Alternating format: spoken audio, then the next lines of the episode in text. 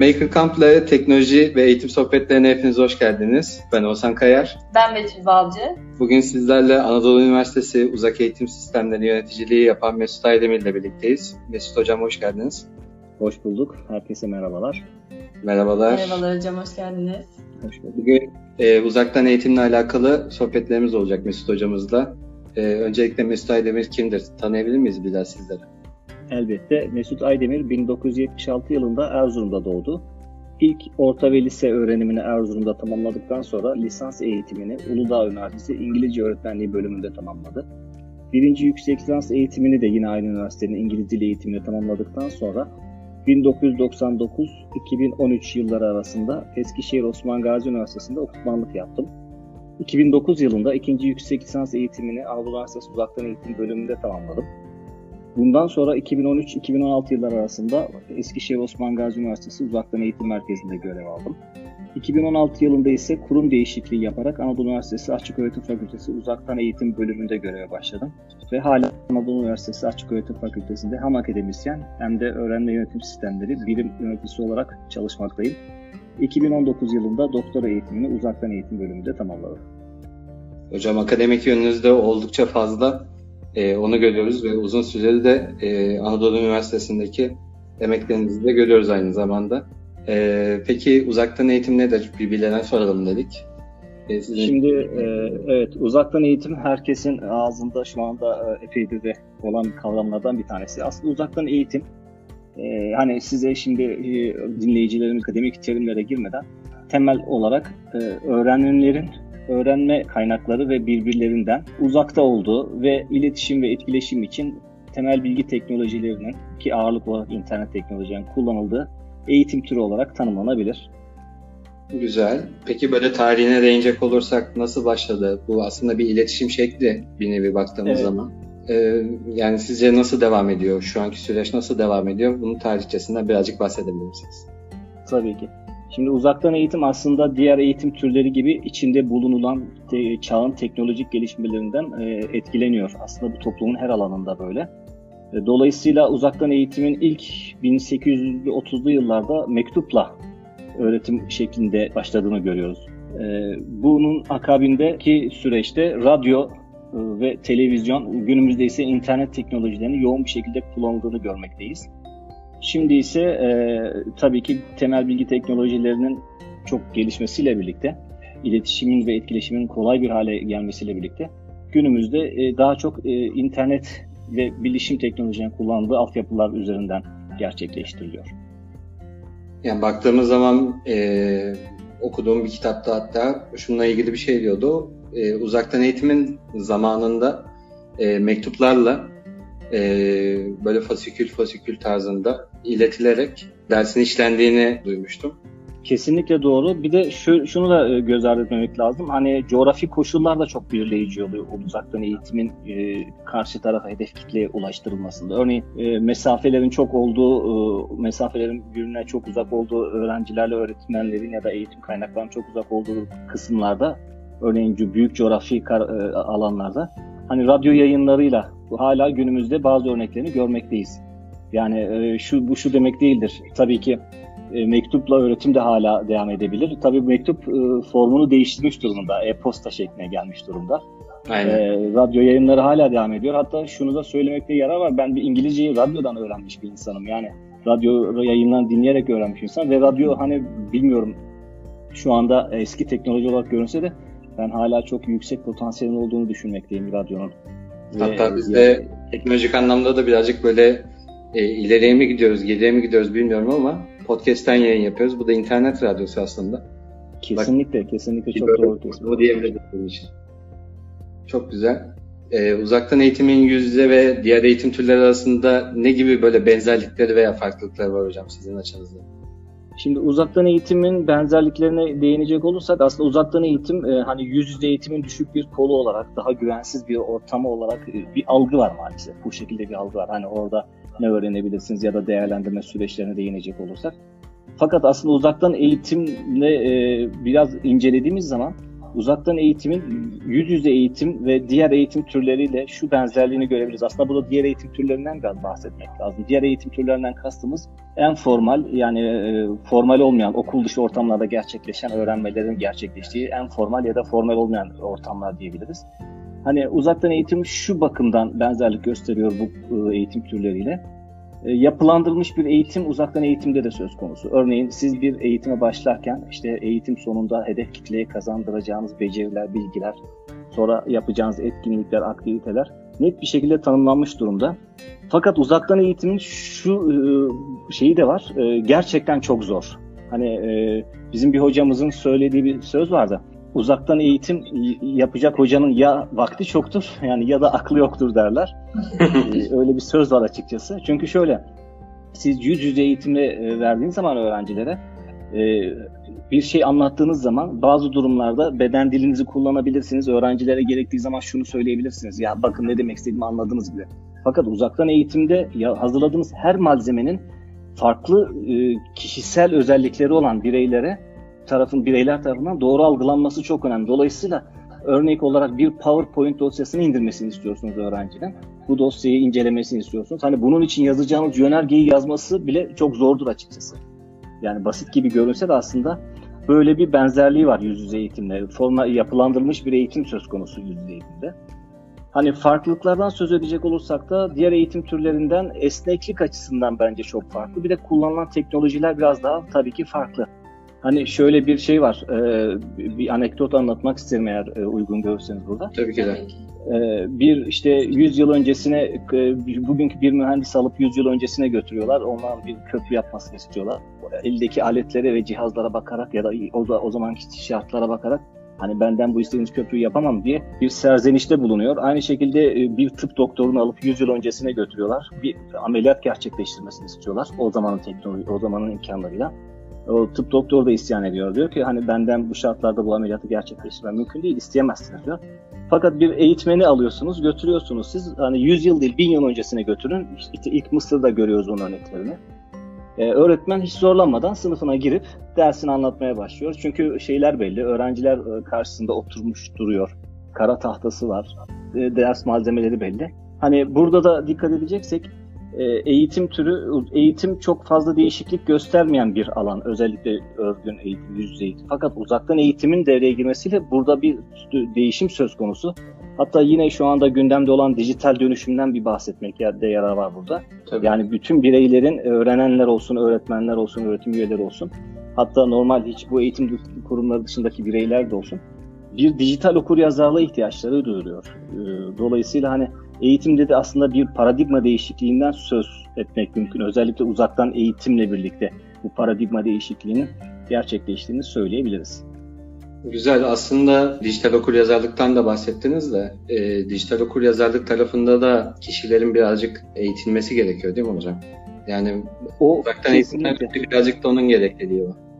Kesinlikle yani o dijital okur yazarlıktan kastımız işte son zamanlarda günlük toplumsal olaylara baktığımızda hani medyayı ne kadar doğru okuyoruz, ne kadar yorumluyoruz, işte sosyal medyadan yayılan haberlerle ilgili ne kadar farkındalığımız var gibi. Ee, bir de uzaktan eğitimin yani e, bu araçlara gerçekleştiği düşünüldüğünde bu araçların doğru kullanımı çok önem arz ediyor. Özellikle çünkü eğitim bir mesaj işidir. Karşı tarafa bir mesaj iletiyorsunuz. Hani bu mesajın doğru algılanması, araçların doğru kullanılması çok önemli. Bir başka boyutu da uzaktan eğitimin diğer bir türlerden farkı konuşmanın başında da bahsetmiştim. Şöyle bir algı var hani uzaktan eğitimde sonuçta bir sınava giriyorsunuz, online sınav yapılıyor. Bu ne kadar güvenilir?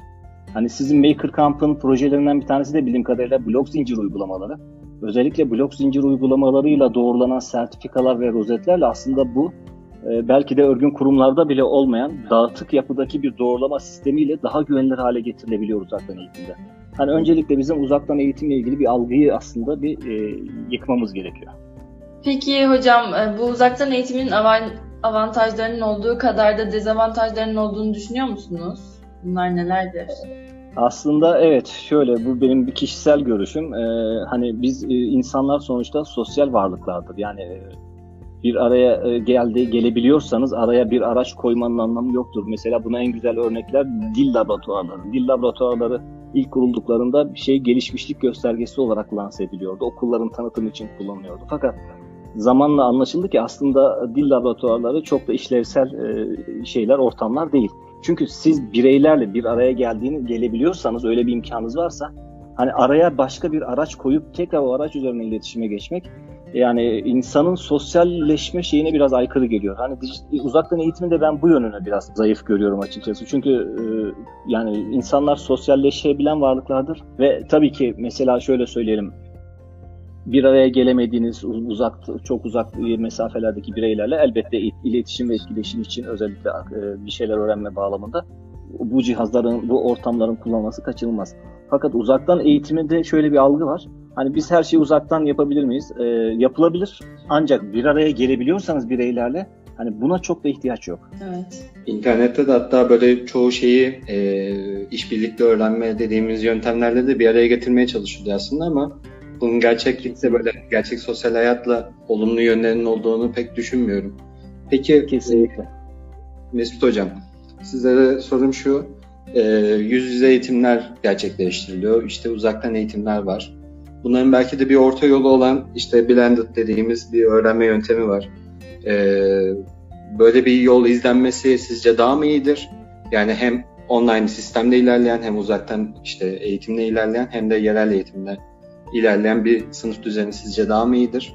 Kesinlikle ben bu, buna katılıyorum. Yani harmanlanmış öğrenme dediğimiz blending learning environment'ların tasarlanması çok daha iyi, verimli olacaktır. Aslında biz bunları e, şeylerde e, bazı kurumlarda görüyoruz. Biz kendi üniversitemizde de bunu yapıyoruz. Mesela yüz yüze dediğimiz örgün programlarda açılan derslerde öğretim üyelerine online olarak da öğrencileri destekleyebilecekleri e, platformu e, hali hazırda sunuyoruz. Bu öğrenme yönetim sistemi olarak geçiyor. yani bu tür ortamlar aslında mevcut eğitimin, örgün eğitimin, yüz yüze eğitimin kalitesine kalite katmakla birlikte özellikle değerlendirme süreçlerinde ve diğer süreçlerde öğrenciler ve öğretim elemanları için büyük kolaylıklar sağlamaktadır. Nedir somut olarak bir kolaylık örneği vereceksek? Mesela öğretmenler artık e, bu platformlar sayesinde ödevleri, öğrencilerin göndermiş oldukları ödevleri elle okumak zorunda kalmıyorlar. Ya da öğrenciler birbirleriyle paylaşabiliyorlar. İşbirliğine yönelik çalışmalar olarak. Hatta daha ileri bir seviyede şu anda biz kullanıyoruz Anadolu Üniversitesi olarak. Gönderilen ödevler Intel yazılımıyla kontrolden geçiyor. Hani örnek olarak söylüyorum bunu. E, dolayısıyla öğrenciler biraz daha dikkatli olmak durumunda kalıyorlar ve hani öğretim üyesinin de bu bağlamda işi bayağı kolay hale gelmiş oluyor. Değerlendirme süreçlerinde öğrencilere verilen ödevlerde mesela öğrenme çıktılarıyla eşleştirilip öğrencinin e, hangi ödevde ne kadar puandan değerlendirildiği, değerlendirileceği bilgisi kendisine ulaşmış oluyor. Ve gözlemlenebilir öğrenme çıktıları oluşturmasında çok önemli bir rolü olduğunu görüyoruz aslında harmanlanmış öğrenme ortamlarında. Aynen. Konumuzun belki dışında kalacaktır hocam ama sizce böyle yapay zekaların da birazcık böyle içerisine girmesiyle birlikte öğrenmenin gerçekleşmediği noktada işte alternatifler üreten bir e, uzaktan eğitim sistemi geliştirildi mi, geliştiriliyor mu? Bunun bir gelişimi. Aslında hocam e, kesinlikle konumuzun uzandı değil, çok da e, e, çok can alıcı bir noktaya temas ettiniz bence. Hı hı. Çünkü bu yapay zeka destekli e, hani öğrenen destek sistemleri olarak da adlandırabileceğimiz sistemlerde öğrenenlere öğrenme süreci boyunca sonunda değil de süreci boyunca yönlendirmeler yapılabilir. Yeter hani buna big data dediğimiz büyük verinin girmesi işte artık yapay zeka uygulamalarının da devreye girmesiyle bu çok önemli e, bir konu. Bireysel farklılıkların olduğu özellikle uzak eğitim sistemleri ya da harmanlanmış öğrenme sistemlerinde yani bireysel hızların da farklı olduğu düşünüldüğünde öğrenme hızlarının bu tür sistemler bireylere gerektiği yerde devreye girip öneride bulunabilirler aslında. Bu çok önemli bir konu bence. Yani e, çoğu LMS'te öğrenme yönetim sistemlerinde bazı özellikler olmakla birlikte e, şu anda bütün ihtiyacı karşılayacak alanda bir şey yok açıkçası. Hani burada özellikle yapay zeka alanda çalışanlarla belki eğitim ortamları tasarlayıcıların bir araya gelip bir e, şey çalışma yapmasının da çok yarar var bence. Evet öğretmenler olarak aslında bizde de çok iş düşüyor ama bir başka konuda hocam şu Anadolu Üniversitesi de dahil işte Milli Eğitim tarafında da pek çok çalışma yapılıyor bununla alakalı e, açık erişim ders malzemeleri ve kitlesel açık çevrim içi dersler. E, bunlar nedir aslında? Birazcık da dinleyicilerimizi aydınlatabilir miyiz? Tabii. Şimdi açık erişim ders malzemelerine baktığımız zaman özellikle eğitimciler, öğrenciler ve kendi kendine öğrenenlerin işte öğretim, öğrenme ve araştırma için bu malzemeleri kullanmaları ve yeniden kullanmaları için açık bir şekilde sunulması sunulma özelliğini gösteren malzemelerdir. Bu malzemenin bir özelliği dijitalleştirilmiş olmalarıdır. Yani burada anahtar kelime aslında açık olması, açıklıktır. Bu malzemelerin herkesin erişimi açık olması ve geliştirilebilmesine vurgu yapılmaktadır. Yani malzemeyi siz sunuyorsunuz ama bu tabii ki başkası alıp bu açık ders malzemesini bunların işte erişim ve telif hakları oluyor. Genellikle Common Creatives altında oluyor bunlar.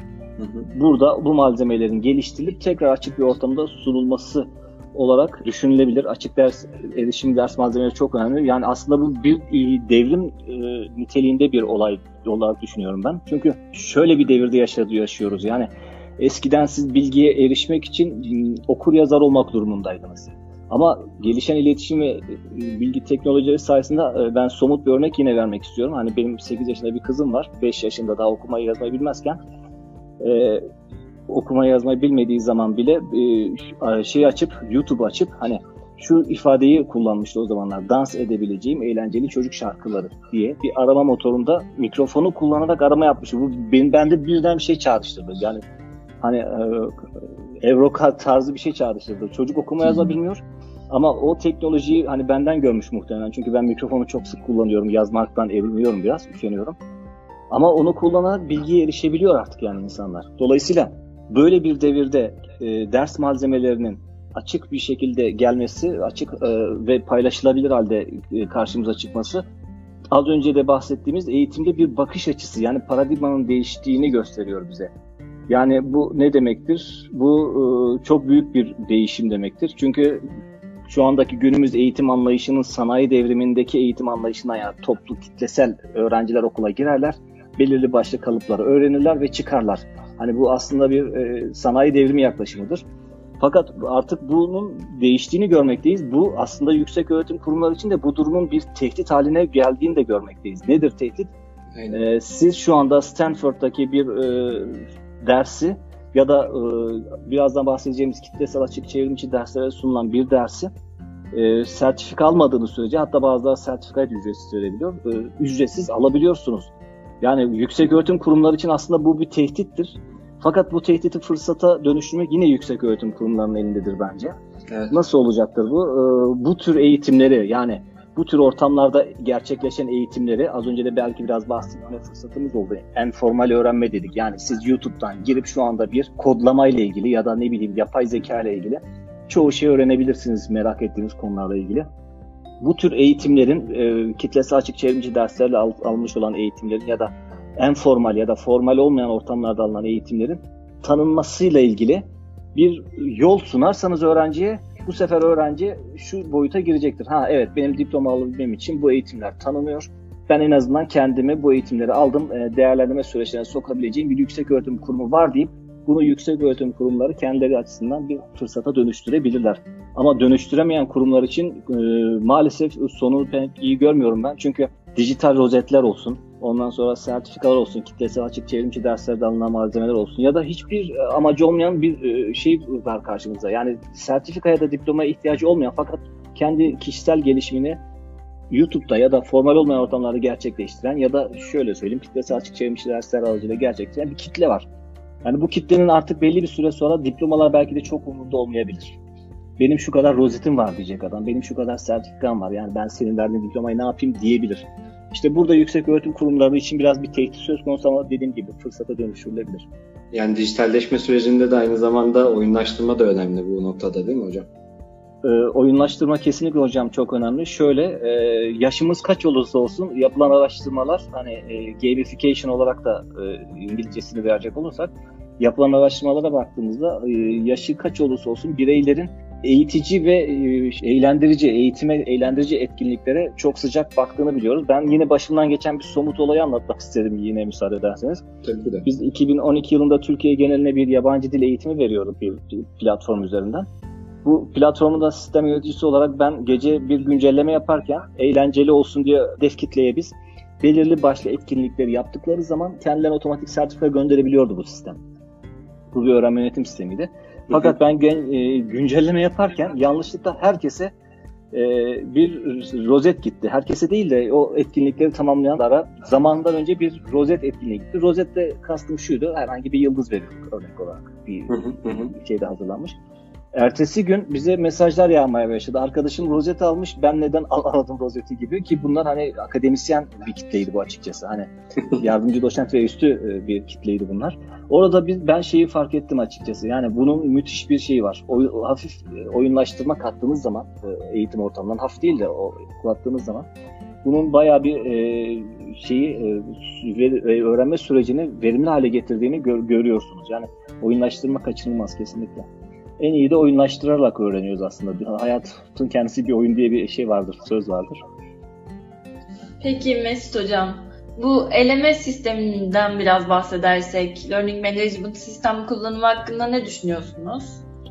Şimdi öğrenme yönetim sistemleri hani benim de e, şey olarak çalıştığım bir sistem açıkçası. E, Türkiye'de ve diğer aslında diğer ülkelerde de böyle bir algı var. Yani siz öğrenme yönetim sistemini kurduğunuz zaman sanki uzaktan eğitimle ilgili her şeyiniz tamamlanmış gibi bir algı var yöneticilerde özellikle. Yani biz bunu e, çalıştığım iki farklı kurumda da gördüm ben. Yöneticilerde maalesef böyle bir algı oluyor. Oysa hani öğrenme yönetim sistemine şunu bir netleştirmek lazım. Öğrenme yönetim sistemi bir araç. Şöyle söyleyeyim dil de bir araçtır, öğrenme yönetim sistemi de bir araçtır. Siz öğrenme yönetim sistemini eğer e, içerikleri düzgün bir şekilde yapılandırmamışsanız, hedef kitlenin ihtiyacına uygun şekilde yapılandırmamışsanız, amaçlarınıza uygun yapılandırmamışsanız, hani kapınızın önünde duran çok lüks bir otomotiv vardır ama siz bunu nasıl kullanacağınızı bilmiyorsunuzdur. Öyle durur otomobil. Onu, ona benzetebiliriz.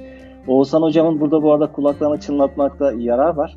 Kendisiyle çok verimli bir çalışmamız oldu. Ee, marka vermemizde sıkıntı var mı hocam? Verebilirsiniz hocam. Herhangi bir sıkıntı yok. Canvas öğrenme yönetim sisteminin Türkçeleştirilmesinde Oğuzhan hocamın inanılmaz katkıları oldu. Açıkçası yeri gelmişken onu da söylemekte yarar var. Aynen. Ben e, hala yürütmeye çalışıyorum ama siz iş yoğunluğunuzdan fark, fark ediyorum pek şey yapamıyorsunuz. Çünkü sürekli güncelleme geliyor. Evet. Ama şöyle dediğim gibi yani öğrenme yönetim sistemleri şu anda piyasada ne kadar öğrenme yönetim sistemi var?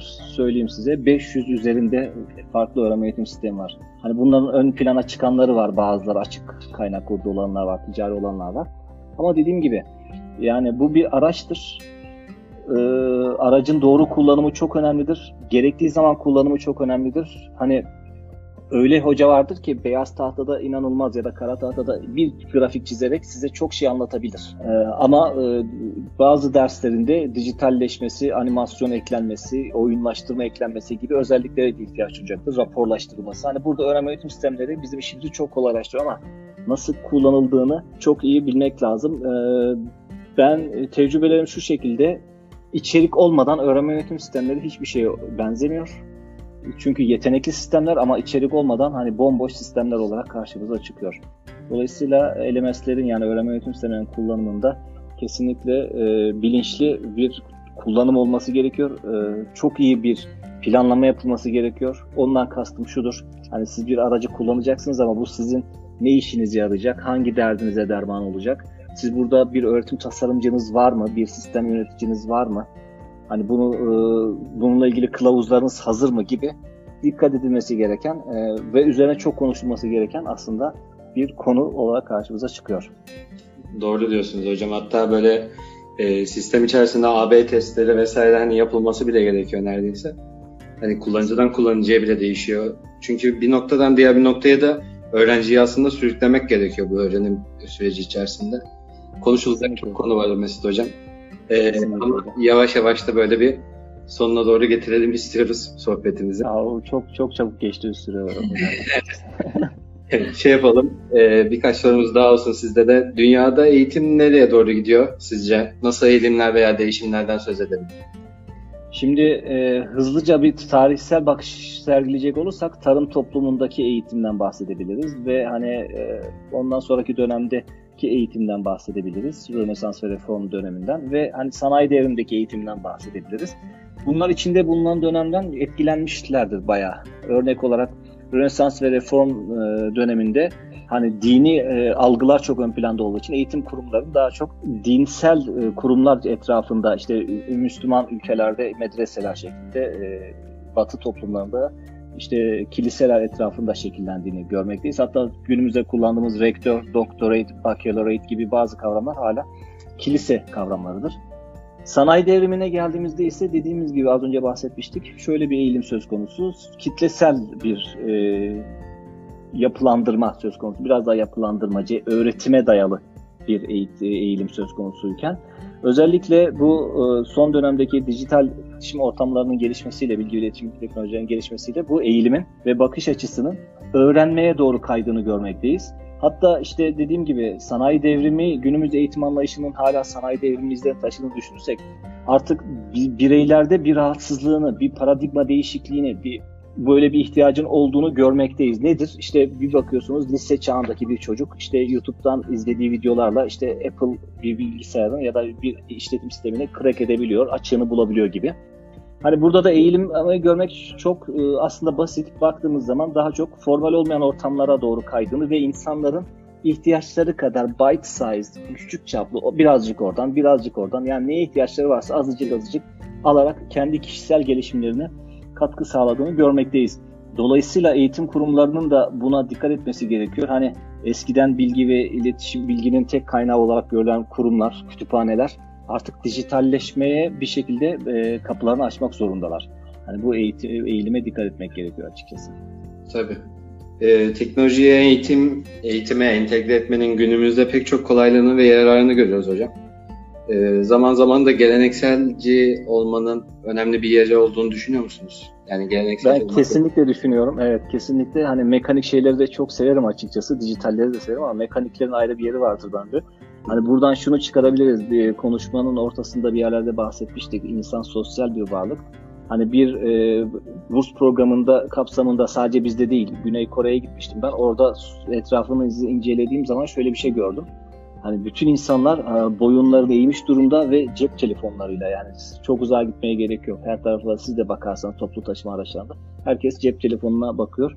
Hani bunun çok iyi bir şey olduğunu düşünmüyorum açıkçası. Biraz sosyalleşmek gerekiyor çünkü hani özellikle geleceğin meslekleriyle ilgili e, konuşacak da olursak yeri gelmişken kısa bir şekilde geleceğin meslekleri aslında e, yaşlı bakımı gibi e, insanların sosyalleşmesine önem veren mesleklerin çok ön plana çıkacağını görmekteyiz. Çünkü gelişen teknolojiyle birlikte insanların şu anda yaptıkları özellikle mekanik işler yani 6 adım kuralı vardır. Siz bir 6 adımda bir algoritmayla 6 adımda yapılacak bir işi yapıyorsanız şu anda o iş yok olmaya e, mahkum yakında. Yani insanlar artık bir şekilde çünkü makineler bayağı ilerledi bir görsel gelmişti geçenlerde. 2009 yılında bir havadan çekim yapan bir TV kanalı için havadan çekim yapmak için bir helikopter pilotuna, helikoptere ve e, kameramana ihtiyacınız var. Yukarıdaki görselde böyle bir şey var. Ama 2019 yılına geldiğimizde bir drone artık hem helikopter pilotunu hem de kameramanı işsiz bıraktı diyebiliriz. E, benzer şekilde Amazon şu anda paket servisini e, dronlarla yapıyor bildiğiniz gibi. Evet. Hani daha çok insani şeylerin ön plana çıktığı e, şeyler olması gerektiğini düşünüyorum. Hani o konuda biraz gelenekselci olmamız lazım. Yoksa hani belki de ileride hepimiz birer robot, yarı robot haline dönmüş olacağız. Mesut Aydemir e, gerçekten hani çok güzel bir sohbet gerçekleştirdiğimizi düşünüyoruz sizlerle de. Son olarak eklemek istedikleriniz bir şey var mıdır acaba? Ben dinleyicilerimize çok teşekkür ediyorum. Özellikle sizin bu çabanızı gerçekten takdirle karşılıyorum. Çok Ekibinize çok başarılar diliyorum. Çok, çok değerli bir şey yapıyorsunuz, bir iş yapıyorsunuz. Hani benim de katkım olabilecek başka şey olsa mutlaka haberim olursa seve seve yardımcı olmaya çalışırım. Çok teşekkür ederim. Ben de çok teşekkür ediyorum. Kapanışımızı yaparken e, bugün sizlerle e, Mesut Aydemir ile birlikteydik. E, kendisininle uzaktan eğitim konusunda görüşmelerimiz oldu. Bazen uzman görüşlerini aldığımız oldu. Üçüncü programımızda da sona erdi. Gelecek hafta tekrardan yeni bir konuğumuzla devam etmek üzere. Hepinize teşekkür ediyorum. Hepinize iyi akşamlar diliyorum.